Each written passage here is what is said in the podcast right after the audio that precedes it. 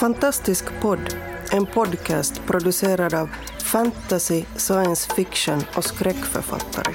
På svenska, i Sverige och Finland. Vi snackar skriva, böcker, våndor och vändor i våra och andras världar.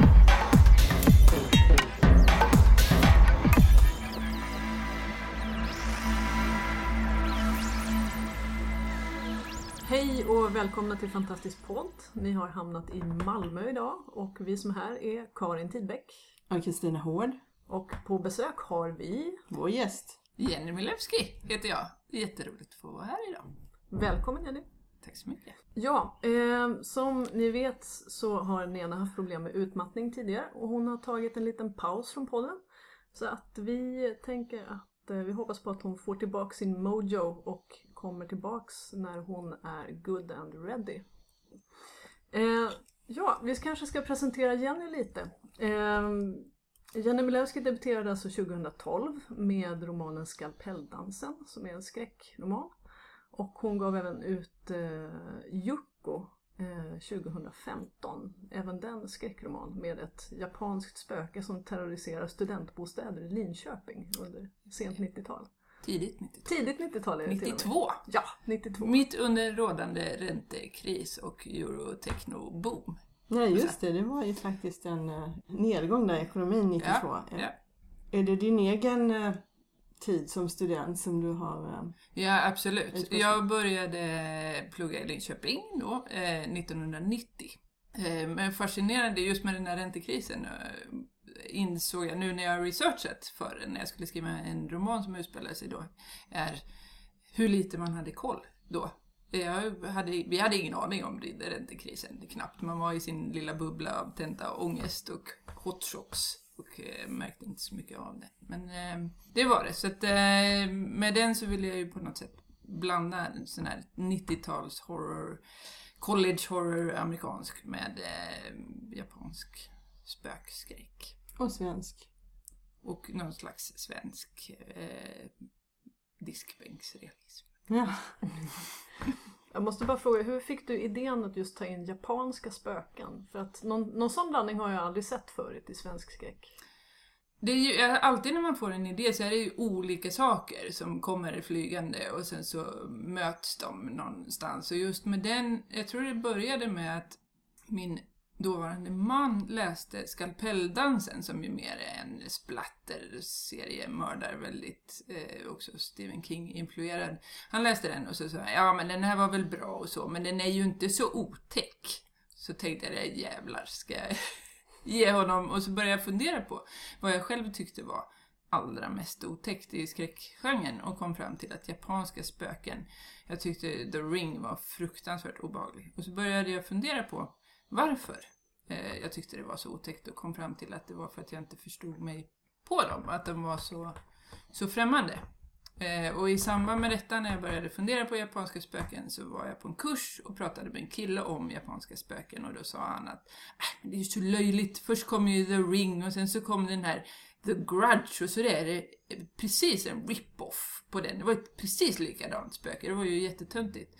Eh, och då började jag fundera på, men det kanske är så att japanska spöken faktiskt ser ut så, att det precis som eh, med våra myter har någon slags bas, att det inte är de här moderna filmerna som är grunden. Och så började jag forska i det och, och lärde mig massor om japansk folklore som var jättespännande. Så det var så jag fick.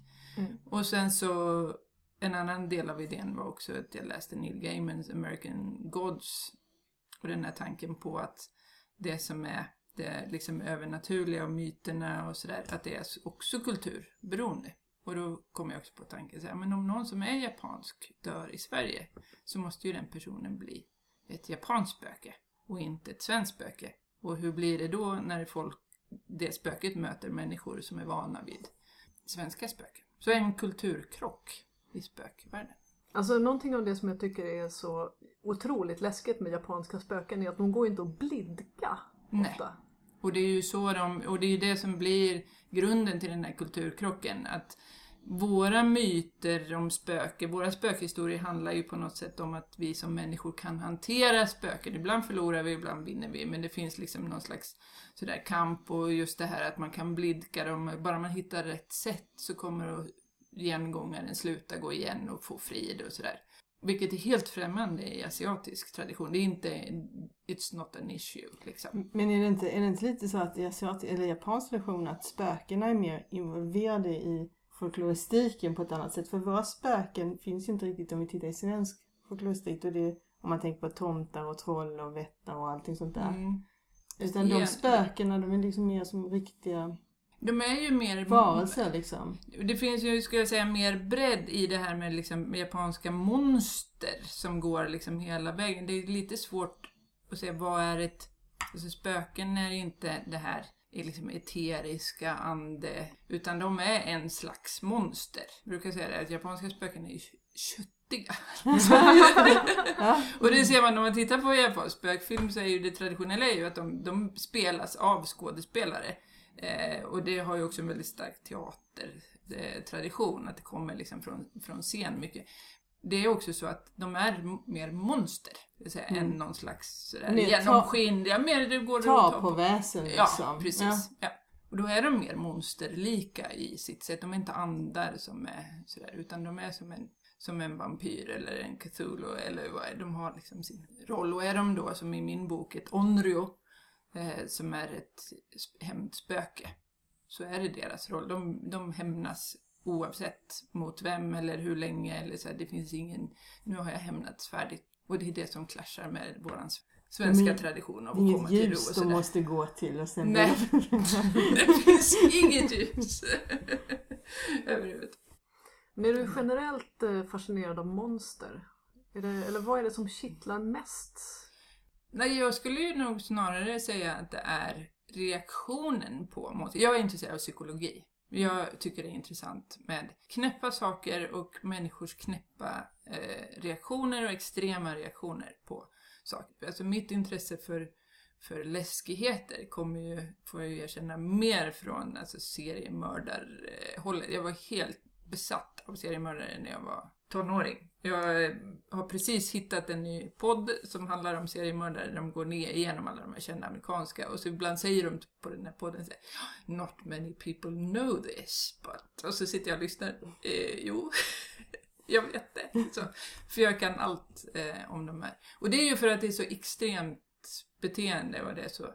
Jag brukar säga att skriva skräck är ju en chans att kunna kasta på sina karaktärer precis vad som helst och se vad som händer. Men då kan vi ju då kan vi gå tillbaka till 2012 här och skalpelldansen eftersom Mm. vi börjar prata om seriemördare. Ja. Eh, skalpelldansen handlar ju alltså om en författare som skriver riktigt vidrig skräck om en galen seriemördarkirurg. American Psycho-skräck kan man Precis. säga. Mm. Eh, och den känns ju, när jag läste den, den känns ju väldigt mycket som ett slags kärleksförklaring till seriemördarskräckgenren om man säger så. Ja, man kan väl säga i korthet en möjlighet att göra sin egen seriemördare. Det drömmer väl varje flicka om. så att få skapa en, för det är ju så också att verklighetens seriemördare är ju inte alls så roliga som de påhittade. Eh, så att det, jag skapade ju då Carl Cederfelt, heter ju han, en galen kirurg som har fått sparken från Huddinge sjukhus efter att ha mördat, tortyrmördat avdelningschefen där på eller Han chefskirurgen. fick bara sparken? Eh, ja, han, fick han fick sparken för att han försnillade kirurgiska instrument. Och i hämnd så mördar han den. Men han Ja, ja. kommer undan med det. Mm. Men sen får han ju börja frilansa i sitt garage. Och opererar på måfå kidnappade tonårstjejer. Iförd läkarrock och mexikansk brottningsmask. Så. Mm. så det här var ju verkligen min chans att ta liksom alla de här delar. Jag gillar också att begrava folk levande. Men det känns också lite som en metakommentar på genren. För att en, en del av boken handlar ju också om varför vi läser skräck. Mm. Eh, och det var ju för mig personligen ett sätt att lite göra upp med mitt eget intresse för seriemördare. För samtidigt som jag varit så intresserad så har jag ju aldrig riktigt tyckt att det är okej att jag varit så eh, intresserad av det. För det är ju hemskt. Och det jag tycker fortfarande, jag tycker det är en del av det här intresset för seriemördare som är ganska liksom, unket när folk har seriemördare som idoler och gärna liksom låna deras efternamn för att vara lite coola eller mycket så här utredare som har skrivit sådana här true crime, my encounters with serial killers och så tycker de att det är jätte... Och det tycker inte jag, det är ju inte riktigt okej. Men du har, du har aldrig tänkt på att du varit en yrkesbana? Du menar inte som seriemördare men som någon som eh, bekämpar seriemördare? Eller, eller liksom Jo. den, den... För att det finns ju... Alltså, Ja, det, det vägen brukar jag säga. också. Om jag hade fått vara, nu blev ju jag ekonom då. Eh, men hade jag inte blivit det så hade jag varit Läst, utredare. eh, Ja, kriminologi. ja. Ja. Ehm, Ja, för det är ju absolut. psykologi. Ja, det är Verkligen. psykologi. Så det är ju psykologin i det som jag tycker är eh, fascinerande. Så, men eh, så det är ju vad den boken handlar om, just det vårt dubbla förhållande. Att vi kan liksom läsa om liksom, riktiga mord och hemskheter och tycka åh gud så hemskt och hur kan någon göra så? Och sen så går vi och sätter på en, en sån här eh, tortyrfilm. Ja, eller alla amerikanska som sådana här serier som handlar om seriemördare som Ja. ska avslöja hela tiden och Ja. sådär. Eh, och våra Mm. sve- svenska deckare. Alltså, så många seriemördare som det finns. Tänk om vi hade så många seriemördare i Sverige. Ingen hade gått säker. Men det är som morden i Midsommar, hur många är det som egentligen lever där? Ja. Nej, vi, och vi i Sverige är ju så väldigt utarmade på eh, seriemördare. Vi var ju tvungna att hitta på en för att vi skulle ha någon seriemördare. Men Thomas Ja, Quick, ja, ja. Men det gick ju inte vägen till slut. Nej. Nej. Inte ens det. Nej. Men eh, du sa att ditt intresse började när du var då inte så gammal Mm. för seriemördare. Och allt annat Och konst, allt annat som- som- konstigt. Allt ja. annat som, som Ja. cirkulerar runt. Eh, Var, var det för att du, du nämnde Stephen King? Var det för att du började läsa Stephen King? Var det så intresset kom? Eller var det några andra böcker? Eller var det... Jag vet inte riktigt. Jag tror att, att det där är något väldigt sådär grundläggande i när det gäller otäcka, konstiga saker. Att man kanske är lite antingen eller. Antingen så här otäckt, usch, nej. Eller så här otäckt, åh, ja, intressant. Så. För att det är någonting som, jag har en syster som är precis tvärtom. Tvärtom. Hon vill inte titta på skräck. Hon skulle aldrig komma på tanken att sätta på en skräck, att utsätta sig för otäcka saker frivilligt. Hon kan inte alls se någon poäng med det. Eh, medan jag alltid har varit, jag kommer ihåg så väl när jag var då, jag är inte gammal, stod framför mina föräldrars bokhyllor. De var med i Bra Böcker, så de hade massor med böcker. Och så på något sätt hade jag luskat ut att det fanns en bok som barn absolut inte skulle läsa som heter Den sista färden. Så hur, jag vet inte om jag hade velat ta den om mina föräldrar sa nej den där ska du inte läsa, den är du inte. Eh, den här som sen blev Film, ja. film Mm. med banjo-scenen och Mm. eh, den berömda våldtäkten. Och jag kommer Mm. så väl ihåg att jag stod framför bokhyllan och läste den där. Och sen så satt jag i fliken och så stoppade jag tillbaks den när jag hörde att någon kom. Och det är egentligen bara den våldtäktsscenen som är något, eh, den är ju inte Det är ju det är, uppbyggnad ja, precis. Ja, ja, men jag tyckte den var jättespännande och den var, jag hade fått veta att den var läskig. Så att jag har alltid dragits till det. Och eh, det gjorde ju också att jag drogs till, jag började läsa eh, Edgar Allan Poe och Stephen King. För jag hade, jag läste, man har ju en sån period när man läser Stephen King, eller alla har, jag hade en sån period där jag läste Stephen King när jag var liten. Det hade jag med. Och jag läste några böcker och så kom jag till en Det, eller It, heter den på engelska. Och jag läste den och jag tyckte den var så, jag gick i trean och jag tyckte den var så fruktansvärt hemsk. Så efter det kunde jag liksom, alltså jag fick, så jag kunde inte läsa hemska eh, böcker efter det. Alltså nu kan jag så, men där liksom, när jag Vad var det som gjorde att just den var... Det var nog det där äh, clownerna, nej jag vet inte. Krypande och att det fanns i miljön och det var, Mm. jag kommer inte, det var ju så länge sedan jag kommer inte riktigt ihåg det. Men det var nog känslan snarare det väckte. Att Ja. det, det liksom lurade på dem hela tiden. Och, Men jag minns det där för att jag var också kanske 9-10 när jag läste det och Mm. var också helt skadad efteråt. Ja. Det, var, det var lite den här känslan av att det finns någonting urgammalt som har funnits där hela tiden och du kan inte komma undan Mm, det mm. och vad du än gör så kan du inte fly. Det blir Nej. aldrig morgon, det blir jag- aldrig liksom bra igen. jag vet jag hade så svårt för sådana här, äh, de här brunnsgallrarna i, i gatan vid trottoarerna. Ja. Det, det var liksom, de blev jätteläskiga de här brunnsgallrarna som ungefär ledde ner till någonting.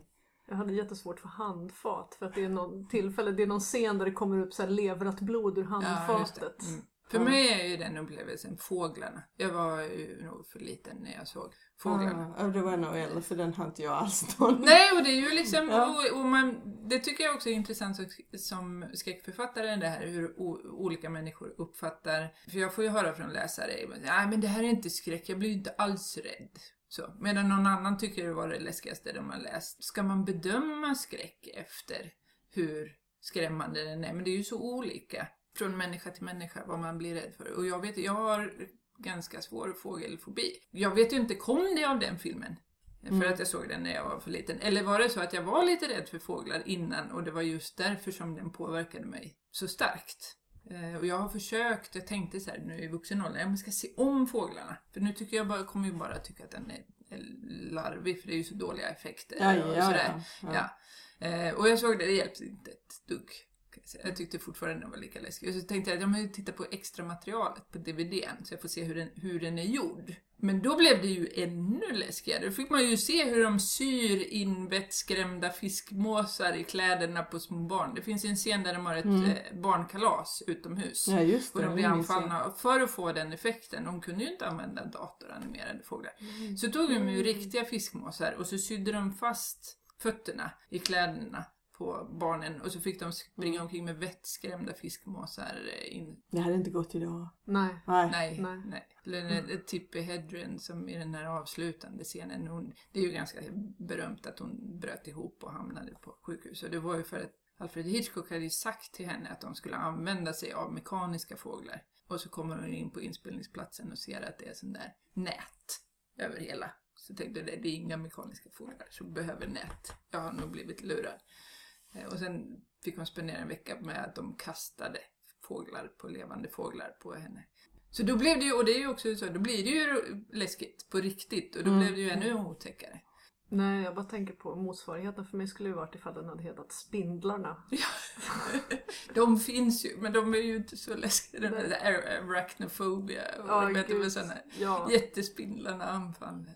Apropå det här att sy in vettskrämda fiskmåsar i barnkläder. Mm. Själva hantverket i att göra saker och ting otäcka. Vad har du för tankar där? Alltså hur gör man egentligen för att skrämma en läsare? Ja, alltså det är ju, det som är lite intressant med skräckgenren är ju det är ju en genre som är väldigt mycket visuellt driven och filmdriven. Alltså många skräckälskare så är det ju ofta skräckfilm som man hänvisar till och i, i volym så är väl skräckfilmsgenren mycket större än vad, vad skräcklitteraturgenren är. Och det är ju, vissa saker är ju svårare att uppnå i en skriven skräckberättelse. De här hoppa till effekterna och, och det, liksom det mörka och så, så är det något liksom som, som hoppar fram. Och, så den slags mekaniska skräck kan man ju inte ta till, vilket också är bra. För att dålig skräckfilm förlitar sig ju nästan bara på sådana här hoppa till och sådana effekter och mycket blod och så. Det rent Men hur gör du när du skriver, om jag bara får hoppa in här? Ser du det visuellt framför dig? Ja, det gör jag. Så du ser det som en film? Jag ser det som en film.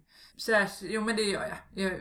Jag är ju mer själv en filmmänniska. Och mycket av skräck är ju ganska actionorienterat. Det som är fördelen när man skriver, eh, som gör att jag tycker de allra bästa skräckhistorierna, de som har tagit mig djupast, är ju berättade historier, alltså litteratur. Det är ju för, som du sa med, It, alltså det går in djupare. Du kan komma in djupare därför att du hela tiden kan berätta hur karaktärerna känner det och gå in i deras, i, i deras tankar. Plus att, det vet vi alltid, svagheten i skräckfilmer är ju alltid när man visar monstret. För det var aldrig så otäckt som eh, i It. När, vad är It? Ja, i slutet så är det en spindel. Clownen och handfatet och allting innan är ju mycket läskigare än det som det visar i slutet. Och den där reveal-effekten behöver du ju inte. För du låter läsaren bygga upp sitt eget monster i huvudet. Det gäller ju på något sätt, för mig är det jätteviktigt att få just den här filmen, som du den här som berättade filmen att fungera i läsarens huvud. Att det är mycket det som Mm, som det hänger på. ja. Ja. Och att man är med karaktärerna hela vägen. Riktigt bra skräck är ju väldigt nära karaktärerna, att du känner att du går in och känner deras, i deras skräck. Eh, det handlar väldigt mycket också om pacing, att ha lagom mycket skräck, bygga upp det på ett lagom snabbt sätt. Du vill hålla spänningen men samtidigt kan du inte göra av med alla skräckeffekter. Direkt tar jag död på alla karaktärerna i femte kapitlet för då har du inget, eller skrämma dem så mycket så att de bara vägrar vara med längre, ligger i fosterställning i din garderob och är så rädda så de inte kan agera. De måste ju vara lite, lite dumma eller för djärva eller sådär. Men vill du, vill du bara skrämmas med skräcken eller vill du att skräcken på något sätt ska symbolisera någonting? Mm, det är jätteviktigt. vädja till någonting annat inom oss som människor. Sätta någonting i dallring som vi, vi helst inte vill minnas ungefär eller någonting sånt. Eller den ja, effekten. ja, jag tycker att skräck är en fantastisk motor, eller vad jag säger, en verktyg för att säga saker om vår, vår samtid, eh, samhällsfrågor eller individuella frågor. Eh, just för att man kan dra saker till sin spets. Eh, och det kan ju vara jättestora frågor som i Frankensteins monster om liksom, människans förhållande till Gud och sådär. Vad, vad kan vi råda över? Eller liksom, det kan vara som i Stephen King, i många av hans berättelser så handlar det om dysfunktionella eh, familjer och familjerelationer. Eh, det är just den aspekten som jag tycker är, det är det som lyfter en skräckhistoria. Annars blir det ju och Mm. effekter. Och då är skräckfilm mer effektiv. Det är ju den extra dimensionen som man så kan, effektivt kan, kan lägga till i en skräckberättelse. Och det gör ju också att man kan hitta till den här liksom djupa skräcken som ni säger, som väcker de här frågorna som man inte... Just eh, som exempel Shining, som jag läste som tonåring och tyckte var läskig och då var det ju mycket, det man kom ihåg efteråt var ju de här tvillingflickorna och badkaret och korridorer av blod och alla de yttre effekterna. Och sen så läste jag om den för några år sedan, eller försökte läsa om den. Men jag klarade inte av att läsa den. Jag tyckte det var alldeles för otäckt för att då blev, när man själv har barn Mm. eh, och en familj, så blev det så tydligt vad den egentligen handlar om. Den här dysfunktionella fadern som misshandlar eh, psykiskt och till viss del fysiskt familjen och mamman som saknar förmåga att skydda sin, sin pojke för att hon tror att det ska bli bättre och hur det här stackars barnet blir utsatt i den här situationen. Så då blev det läskigt på riktigt för mig. Det var faktiskt min nästa fråga. Eh, när du tycker att det blir läskigt på riktigt. Vad är den, den, det bästa verket, tycker du? Alltså, som har gjorts? Det är ju en skillnad i det otäckaste verket och det bästa. Min favorit, det bästa, är eh, The Haunting of Hill House.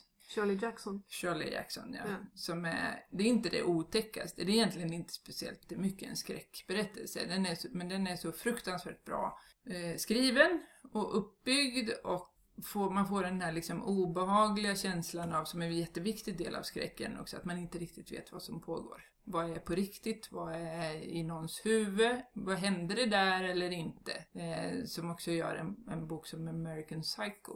Den otäckaste boken jag har läst, eller inte läst, jag har halvläst den för jag klarar inte av att läsa den, eh, är en bok som heter Haunted av Chuck Palahniuk. Och här kommer för han är, han är vidrig på riktigt. Och någonstans så går det ju också en gräns. Jag gillar inte all skräck. Ibland blir det för. När det, det går, han går över gränsen ibland liksom för mig. När det är saker som, nej, jag vill inte jag vill inte befatta mig i detta. Hans verk handlar ju alltid om liksom, mänsklighetens depraverade sidor. Så han har ju aldrig någon monster eller Det är något bara sånt. människan. Det är bara människan och sen det faktum att man vet, läser man honom så kan det gå hur långt som helst. Han stoppar aldrig. Han drar saker så långt till sin spets att man, och då har man det i sitt huvud sen. Men gör han det bra eller blir det liksom bara äckligt? Ja, men han gör det ju bra. Och det är därför som det, det blir liksom för bra, för du får inte bort det ur huvudet sen. Men man kan känna att nej men det här blir, jag vill inte ha det här i mitt huvud. Då har man ju lyckats riktigt om det är skräck man vill skriva. Mm. Man känner som läsare att nej nu öppnar han dörrar till saker som jag vill inte tänka på det här. Och det kan vara liksom små saker. Jag har hört att du har ett väldigt speciellt sätt att skriva på. Stämmer det? Ja, kanske. Eh, som jag är speciellt utarbetad metod Ja. kan man säga. Som skiljer sig från när jag började skriva ganska mycket. Och du har, som du tycker du har funnit som fungerar? Ja, som gör att jag har kunnat skriva min senaste roman på tre månader och jobba heltid samtidigt. Det låter jättespännande och det tycker jag vi tar i nästa avsnitt, del två av Jenny Mileski, gäst hos Fantastisk podd i Malmö. Så tack för den här gången och kom tillbaka snart. Hej då! Hej hej! Du har lyssnat på Fantastisk podd.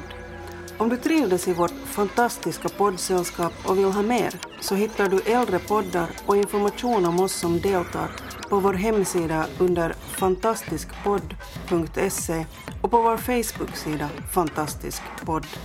Har du frågor eller förslag på vad du tycker att vi ska tala om, hör gärna av dig antingen på Facebook eller via kommentarer på hemsidan. Vi hörs!